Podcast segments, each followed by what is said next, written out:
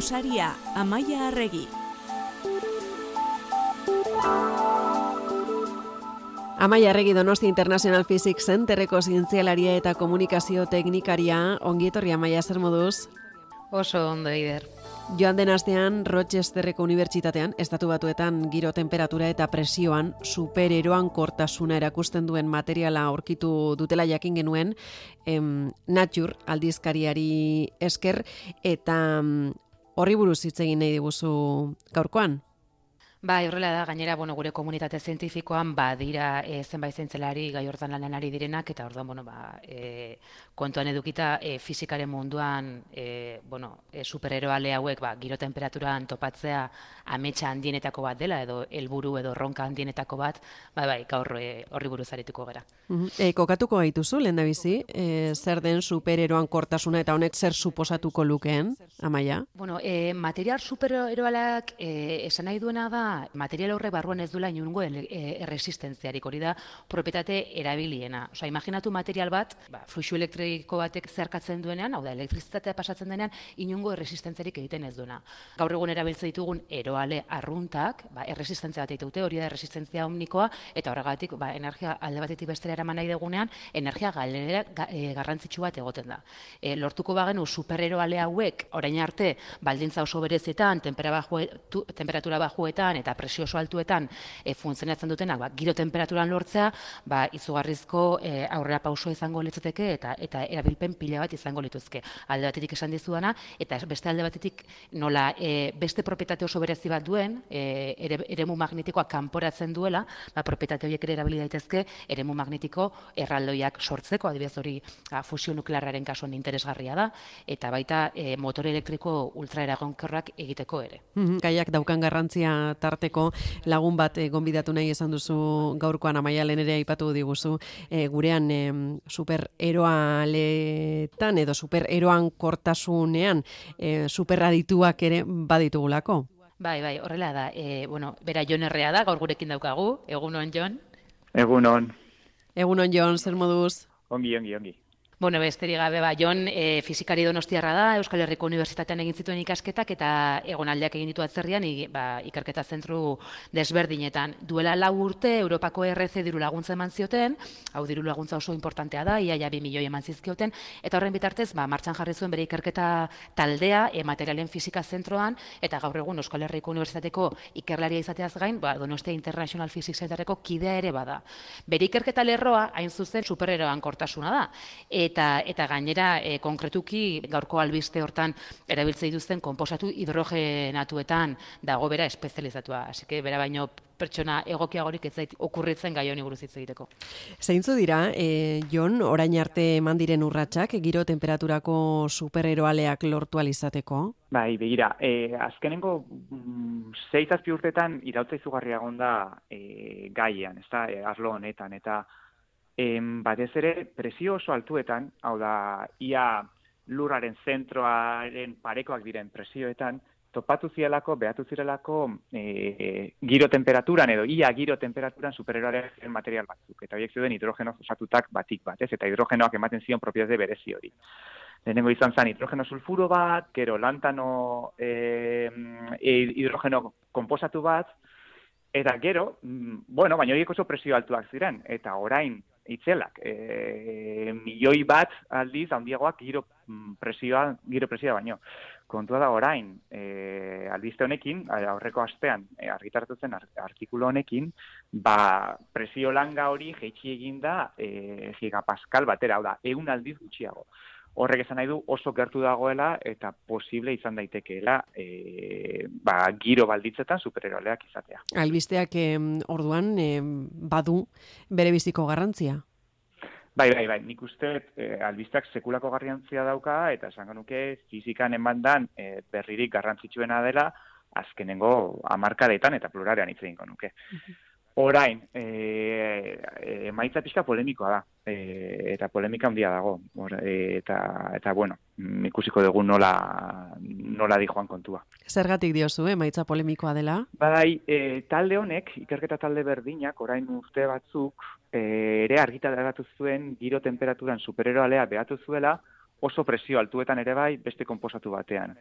Eta um, orain hilabete batzuk, ba, udazken hontan, e, Nature aldizkari berak, e, artikulu hori atzera gota zuen, ba, neurketa batzuetan, batzuetako datu batzuk pixka bat arraroak zirelako, eta bueno, polemika zegoelako. Orduan orain, bueno, ba, ikusi da hau, berriro art, e, talde berdinak argitatu dutu hau, eta bueno, zalantzak daude, ez? E, nik uste e, komunitate zientifikoak pixka bat, ba, oso pentsu dago, oso berri hona delako, baina esteticizmo pixka bat ere egon badago. Orduan, azkenean denborak esango du, e, ia beste talderen batek e, errepikatu dezaken esperimentu hau, ia e, ikerketa talde teorikoek, balidez gureak bezalakoak, ba, gauza hauek ulertzeko gaitasuna daukagun edo ez, onolabait e, azalpen teoriko bat eman aldiogun, neurketa honi, eta bueno, hortan gabiltza, eh, no? pentsatzen dute aurreko astean berri atera zenetik, ba, ba munduko talde, ikerketa talde pila, pila, pila bat jarri direla e, komposatu lanean.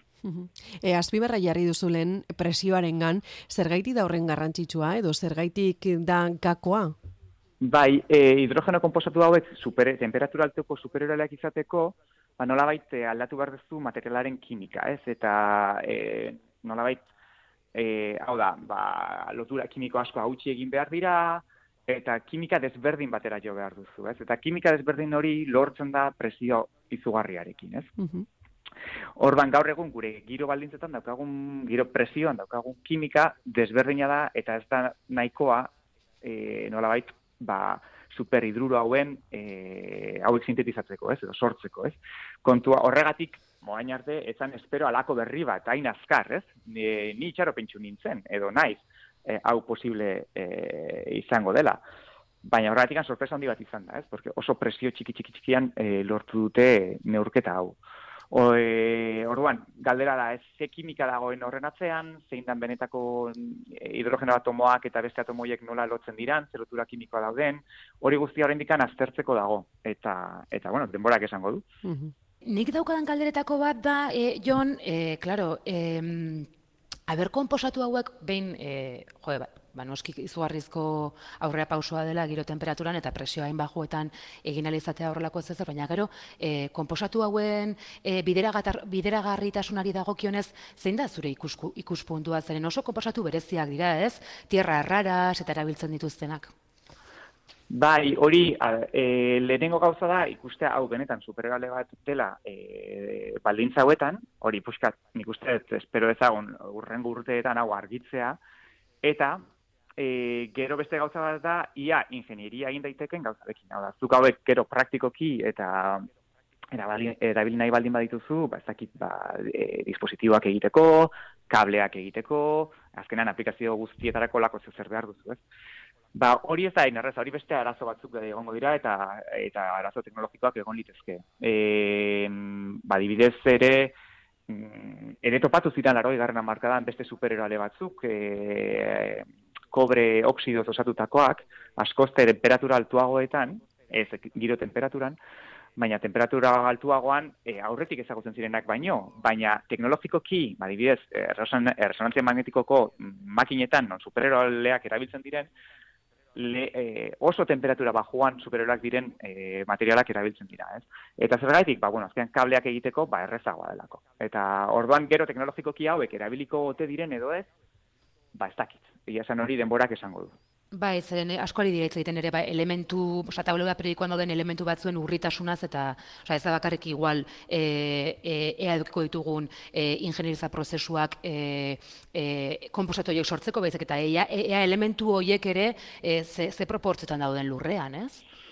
Bai, pentsatzen dut horre aplikazioaren arabera. Zuk bai esan, ba, txipetan edo oso e, aplikazio konkretuak ere egin nahi baldin badituzu, ez, bagian mm, nahikoa izan dizakegu, ba, lutezioa ez duzte oso, ez dakit, oso lutezio komposatu bat da hau, e, ez dakit oso arrunta den edo ez lurreran, ez duzte, nahiko metal arraroa da. E, Baina, adibidez, zuk nahiko bali mazen ba, e, elektrizate sare banaketa oso egin alako komposatu honekin, ba, ziurrenik material honen kopuru izugarri bat beharko zenuke. Eta gian ez gara gai, baina gian oso nano eskalan aplikazioen bat sortzeko, ba gian posibleagoa da edo realistagoa da. Ez? Orduan, e, pentsatzen dut aplikazio desberdinak egon litezke, supereroaleenak, eta bagian batzuk posibleak izan litezke, eta beste batzuk ez. zuk esan dezunagatik, agian ba, ba material hauen ba, berezitasunagatik eta eskasiagatik, ez? Eta lehen aipatu ditudan, ba, e, ingenierietza problemaz aparte, ez? Osa, hoiek ere beste arazo batzuk dira eta eta eta egon daitezke arazo horiek noski. Egin dezute mm, material berri honen simulaziorik azkeneko albistaren arira? E, lanean gaude. Bai, ari gara lanean. Kontua da, ez dala ezaguna zein den e, atomoen egitura, ez? Orduan, e, atomoen egitura zein den ez, ez dakite esperimentuan ez zuten zehaztu, guztiz ez zuten zehaztu, eta hori gabe ezin dugu jakin ze, ze aukerak e, dauden, ez?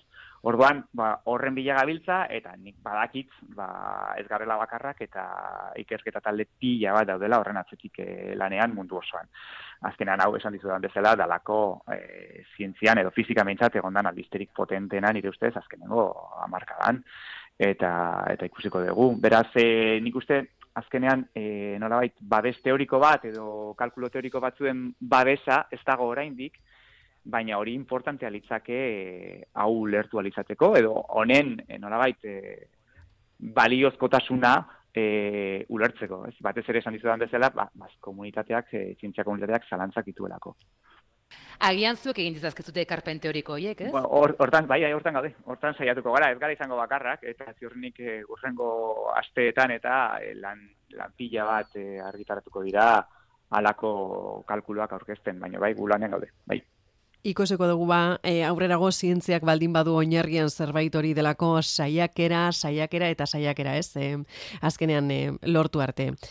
Amaitu baino lehen, amaia, bestelakoan eh, errepaso azkar bat egingo diogu, agenda kulturalari? Bai, bueno, Donostia Kulturak eta DIPZek e, e, Santelmo Museorekin antolatu dugun e, zikloari buruz esanen izuen zer, e, neuroteknologiak giza ganuraren ulermen erantz izena du ziklo honek, badak ez dute DIPZen gaina badaukagula burmuinaren inguruko ikerketa lerro bat, neurofizikan, eta e, martxo eta pirila bitartean, ba, Santelmo Museoan zeinbait itzaldi eta eta mai inguru antolatu dira. E, lehenengo itzordu, urrengo astean bertan izango da, aste artean, martxoaren ogoita batean, eta Esti Blanco elorrieta psikolinguista eta elebitesunaren neurozientzian ikertzailea izango dugu, Harvard Unibertsitateko aditua bera, eta de ondas de sonido a significado, como entiende nuestro cerebro los idiomas e, itzaldea emango du.